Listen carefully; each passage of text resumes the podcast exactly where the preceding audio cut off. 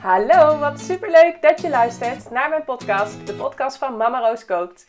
In deze podcast neem ik je mee in de wereld van babyvoeding en leer jij hoe jij je peuter weer gezond laat eten.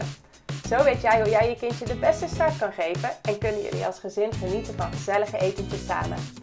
Mijn persoonlijke verhalen als mama van drie meiden, maar ook mijn achtergrond in psychologie, voeding en onderwijs hoor je terug in de verhalen van deze podcast.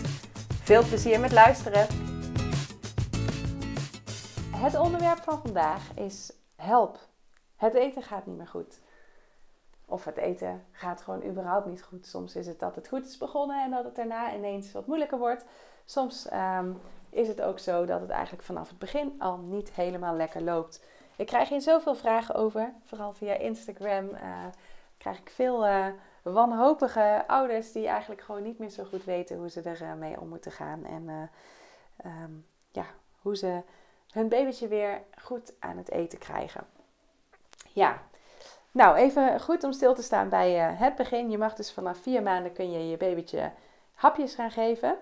En ik begin altijd, ook in mijn cursussen en in mijn schema's, zul je dat ook zeker terugzien, dat ik begin met groenten.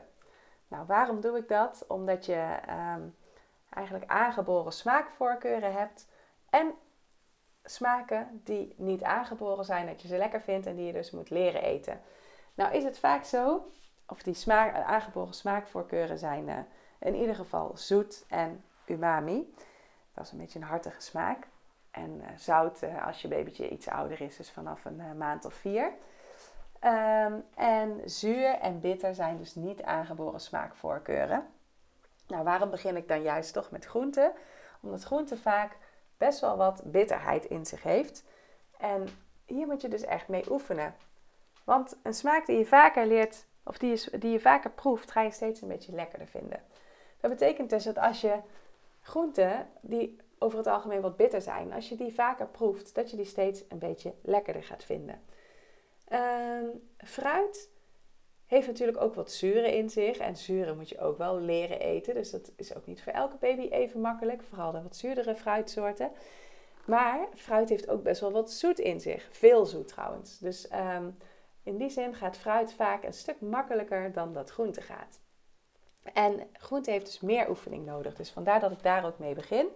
Want op het moment dat je met fruit begint, dat die uh, zoete smaken, dat, dat je babytje daar al heel erg aan gewend is, dan zie je vaker dat groente daarna wat moeilijker gaat. Dat je kindje al weet van hé, hey, maar er zijn dingen die ik lekkerder vind. Of die, uh, dus uh, geef dat maar weer aan me. Um, dus ja, fruit heeft wat minder oefening nodig dan groente. Um, nou, groente heeft dus inderdaad echt oefening nodig. En dat is ook meteen een van de dingen die ik je mee wil meegeven accepteer dit ook, dat dit ook echt een oefenproces is. Kijk, bij de ene baby gaat het echt snel hoor. En bij de andere baby heeft het gewoon heel veel tijd nodig. En alles daartussenin kan natuurlijk ook. Ehm, maar er zijn baby's die gewoon al meteen helemaal enthousiast zijn als ze een eerste hapje krijgen. Een eerste groentehapje. En die daar uh, helemaal lekker van smikkelen. En uh, die niet kunnen wachten de volgende dag totdat ze weer mogen proeven.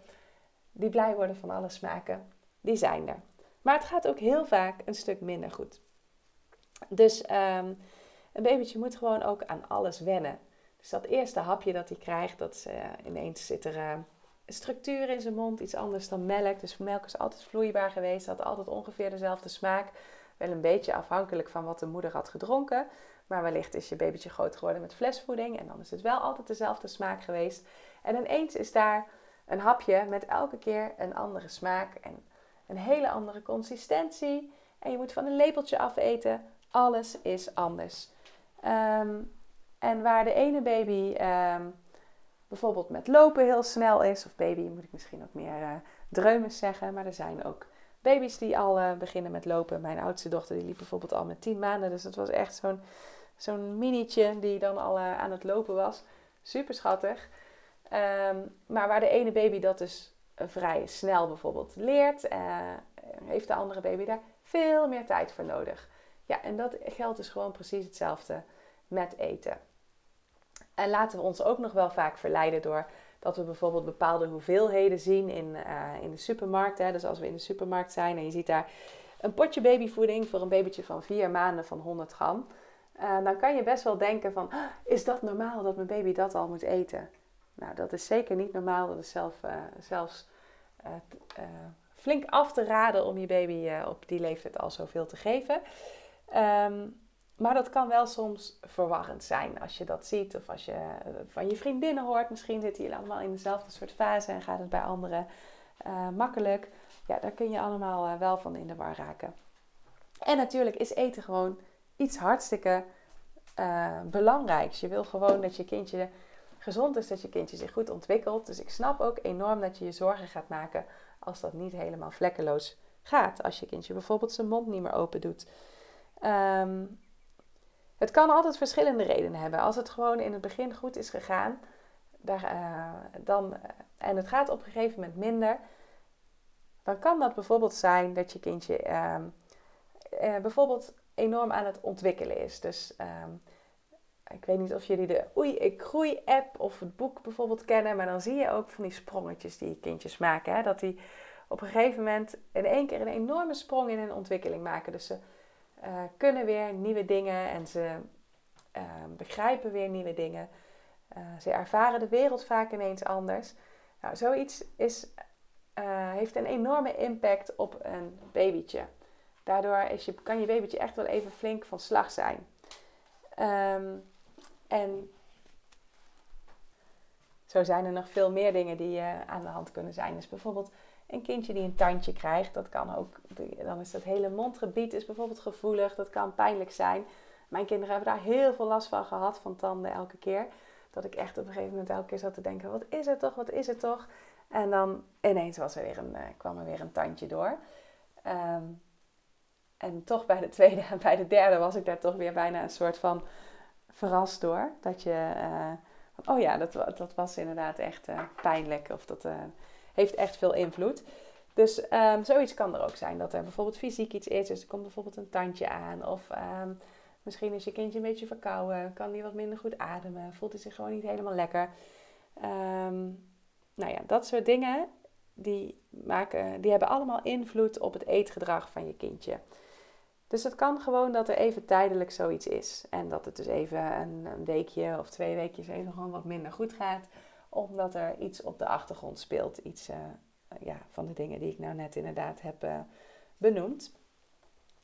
Um, het kan ook zijn dat je kindje ineens heeft ontdekt dat er andere dingen heel erg lekker zijn. Dus bijvoorbeeld, je hebt fruit geïntroduceerd. En eigenlijk ging die groente wel goed. Maar nu heb je fruit geïntroduceerd en nou wil hij geen, geen groente meer. Um, of, je, of hij wil alleen nog maar zoete groenten. Dat krijg ik ook heel vaak als vraag. Van uh, ja, wortel, een zoete aardappel, een pastinaak. Dat gaat allemaal wel goed, maar alle andere groenten wil hij eigenlijk niet echt meer eten. Um, ja, wat je hier ook bijvoorbeeld zou kunnen doen is... Um, ja, ik had het net al over aangeboren smaakvoorkeuren. Maar dus bijvoorbeeld zoet is iets wat je babytje heel lekker vindt. Maar er is nog één ding wat eigenlijk een voorspeller is voor of je babytje iets lekker vindt. Dus aan de ene kant zoet, aan de andere kant bekendheid. Dus wat je zou kunnen doen ook is een smaak weer mengen met iets bekends. Dus, ehm, of iets wat al heel lekker gevonden wordt. Dat zou bijvoorbeeld melk kunnen zijn. Hè? Elk babytje is natuurlijk enorm bekend met melk. Maar het zou ook bijvoorbeeld een smaak kunnen zijn um, waarvan je gewoon weet dat het, uh, dat het enorm gewaardeerd wordt. Dus stel je kindje is helemaal dol op wortel. Um, maar de dopertjes die gaan uh, helemaal niet goed. Dan zou je bijvoorbeeld dopertjes met wortel kunnen mengen. En de wortel af gaan bouwen. Dus als je mijn uh, cursus uh, volgt, dan is het eigenlijk heel makkelijk. Of als je een schema van mij ge gebruikt. Want dan zie je, um, ja, dan heb je eigenlijk van die blokjes. Hè? Dus dan kun je het ene blokje kun je minder maken. En het andere blokje kun je meer maken. Dus je hebt bijvoorbeeld, je begint dan bijvoorbeeld met drie blokjes dopert en drie blokjes wortel. En je gaat eigenlijk die dopert ga je opbouwen. Dus je gaat dan naar vier blokjes dopert en twee blokjes wortel. En dan bouw je dus die wortel tegelijkertijd af. En dan ga je naar vijf uh, blokjes dopert en één blokje wortel. Dus zo kun je eigenlijk weer ervoor zorgen um, dat je kindje, doordat hij een hapje, een bepaalde smaak die hij nog niet zo lekker vindt, gemengd is met een smaak die hij wel lekker vindt. Het mag dus ook melk zijn. Um, dat hij eigenlijk dat hapje weer lekkerder gaat vinden. Of dat hij die smaak weer leert waarderen. Dat hij die weer wat meer uh, leert kennen. Um, En als het gewoon vanaf het begin al niet zo lekker gaat, dat kan natuurlijk ook. Ehm, heb vooral geduld. Tot zes maanden is er echt helemaal niks aan de hand als je kindje gewoon nog niet uh, goed eet. Je zou ook altijd bijvoorbeeld weer eventjes kunnen stoppen. Als je merkt bijvoorbeeld dat de associatie met eten ehm, daardoor misschien minder wordt. Dat je kindje gewoon niet enthousiast is over eten. Dan zou je ook even ehm, een week of twee weken kunnen stoppen. Want misschien is je kind er gewoon nog niet helemaal klaar voor. En kun je dan over een week of over twee weken kun je weer het opnieuw proberen. En op het moment dat jij het weer opnieuw gaat proberen, dan zorg je ervoor dat er gewoon weer een positieve stemming is. Dat, er, uh, dat de sfeer goed is. Want dat is heel belangrijk in die eerste fase. Dat je kindje eten echt als iets leuks gaat zien en niet als iets vervelends. Dus op het moment dat je heel erg gaat doorzetten als het eigenlijk niet lukt, ehm, dan kan eten misschien al iets vervelends gaan worden. En dat kan de relatie met voeding Dus stop dan vooral gewoon eventjes en probeer het daarna gewoon weer nog een keertje. En misschien is het dan al, uh, gaat het dan ineens heel anders. Dat zou heel goed kunnen. Ehm, ja, en geef het tot, tot die zes maanden in ieder geval gewoon helemaal de tijd. En dan gaat het totaal niet om de hoeveelheid die je babytje binnenkrijgt. Want melk is tot die zes maanden in ieder geval het aller, allerbelangrijkste. Um, maar ehm, ja, het gaat er gewoon echt om, uh, om dat oefenen.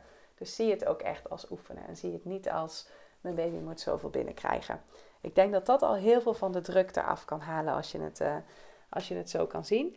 En na zes maanden is op zich vaste voeding um, ja, wel belangrijk dat je kindje dat binnenkrijgt. Dat is echt niet precies bij zes maanden. Niet van de een op de andere dag dat dat helemaal uh, moet veranderen. Um, als je bijvoorbeeld de baby-led weaning methode toe zou passen, dan wordt er zelfs gezegd dat uh, je babytje, die mag vanaf zes maanden, mag hij dan stukjes gaan pakken. Maar stel dat hij het niet meteen pakt, dus dat hij één of twee weken of misschien wel vier weken daarmee wacht. Um, en het eerst alleen maar bekijkt of ermee speelt, uh, maar het nog niet in zijn mond stopt, dan is er ook nog niks aan de hand. Eigenlijk eh, wordt pas vanaf acht maanden gezegd, als je baby dan nog steeds niks heeft gepakt, hij nog steeds niet aan het eten is, ja, dan is deze methode echt niet geschikt. Ga dan over op gepureerd. Um, maar ja, vanaf zes maanden is dus bijvoorbeeld ijzer belangrijk. Ik weet trouwens wel dat er in uh, opvolgmelk ook vaker ijzer toegevoegd zit. Um, en je zou ook kunnen zorgen dat de hapjes die je geeft, dat je die in ieder geval, dat daar veel ijzer in zit. Dus dat je daar rekening mee houdt. Dus bijvoorbeeld groene bladgroenten bevatten veel ijzer. Um, uh, vlees en vis bevatten ook ijzer. Granen bevatten, uh, bevatten ook ijzer. Um, dus je kunt ook kijken zodat je je hapje daar al een beetje rekening mee houdt. Dat je in ieder geval weet dat dat er goed in zit. Want die ijzervoorraad van je babytje die is na zes maanden dus echt op. Dat is ook een van de redenen dat het belangrijk is om die bijvoeding binnen te krijgen. Um, maar als je daar inderdaad dan de goede ingrediënten voor kiest, voor je hapje, dan ben je ook al een heel stuk verder en dan hoef je ook weer minder zorgen te maken. Um, ja, en houd het vooral leuk. Dat is echt heel erg belangrijk. Dus zorg ervoor dat het niet een, uh, dat je niet gaat pushen, dat het niet een te gedwongen, um, ja, dat het gedwongen gaat worden, dat de, gezelligheid er een beetje afgaat. Want die relatie die je baby nu dus legt met, uh, met voeding, die, uh, ja, daar heeft hij eigenlijk zijn hele leven profijt van of last van. Um, dus zorg ervoor dat dat gewoon een positieve associatie wordt. Dat, die, uh, ja, dat je hem eigenlijk, dat je zijn ontwikkeling uh, daarin volgt en uh, hem daarin leidend laat zijn. En ehm, ja, blijf het vooral ook gewoon aanbieden. Eet bij voorkeur ook samen aan tafel. Dat kan ook heel veel verschil maken. Hoor ik ook vaak terug van ouders als ik die tip heb gegeven van dat dat inderdaad echt veel verschil maakt. Dat een kindje niet in zijn eentje aan tafel zit te eten en jij geeft de hapjes. Maar dat je echt samen aan tafel zit als gezin. En jullie zijn lekker aan het eten en het kindje krijgt ook wat te eten. Dus dat, um, dat doet ook veel met de sfeer en met de gezelligheid natuurlijk. Maar ook met het zien. Hè? Dus ook kinderen leren ook eten door te observeren en door te kijken wat jij doet en hoe jullie ermee omgaan. Um, dus daarbij uh, helpt dat ook enorm. Dus dat is ook zeker een tip. Ga samen aan tafel zitten om, uh, om te eten. Um, ja, laat het me vooral weten als je nog uh, vragen hebt, als je er nog tegen dingetjes aanloopt. Um, oh ja, nog wel een hele leuke om te zeggen. Elke keer dat je baby dus een smaak in zijn mond heeft, is eigenlijk al een oefenmomentje. Um, en dat betekent dus niet per se dat je baby het door moet slikken. Of ehm, dit is ook vooral tussen die vier en zes maanden. Want uh, slikken is ook nog iets wat kindjes dan echt moeten leren. Dus als je baby het gewoon alleen al in zijn mond heeft, maar het komt er allemaal weer uit, dan mag je eigenlijk toch super blij en trots zijn. Want dan heb je toch weer even een oefenmomentje gehad. Dus probeer het ook zo uh, te benaderen en zo te zien. En uh, daar dan uh, positief in te staan. En ehm, ja, dat geldt natuurlijk na die zes maanden. Geldt het ook, alleen wil je dan het liefst ook dat het gegeten gaat worden. En dan zou je ook nog bijvoorbeeld met de dikte van het hapje wat kunnen variëren. Misschien is het, um, heb je bijvoorbeeld, zijn je hapjes te consistent, zijn ze te dik? Kun je ze nog een beetje meer verdunnen met wat kookvocht of met wat melk kun je ze nog meer verdunnen. Um, nou, je kunt daar nog heel veel in spelen. Een andere lepel doet soms ook wonderen, net zoals dat niet elke baby van dezelfde speen houdt of niet elke baby van hetzelfde flesje. Daar was ik trouwens enorm door verbaasd. We hadden gewoon flesjes in huis gehaald uh, bij uh, Veren. Dus ik ging er gewoon meteen bij de, bij de tweede ook van uit dat hij uit hetzelfde flesje zou drinken. En bij de derde ook. Maar uh, dat was dus zeker niet het geval. de derde had trouwens sowieso best wel wat moeite met uit de fles gaan drinken. Die wilde eigenlijk het liefst alleen maar uit de borst. Um, uiteindelijk is dat toch helemaal gelukt en goed gekomen. Maar dan hebben we wel flink wat flesjes moeten proberen. En dat kan met lepeltjes voor babytjes dus ook zo zijn. De ene baby houdt van andere lepeltjes dan de andere. Dus uh, daar kun je ook nog altijd uh, wat in variëren. ja, nou zaten weer ontzettend veel tips in deze podcast. Dus er zit zeker, zitten er een paar dingen bij waarmee je wat kunt gaan experimenteren. Misschien heb je een paar dingen al geprobeerd, maar heb je toch weer nieuwe andere dingen gehoord. Um, en um, ja, mocht je het allemaal hebben geprobeerd en het allemaal niet werken, laat het me vooral even weten. Dan denk ik heel graag nog met je mee. Dankjewel weer voor het luisteren en ik wens je gewoon weer heel veel plezier met uh, je babytje leren eten. Doei doei!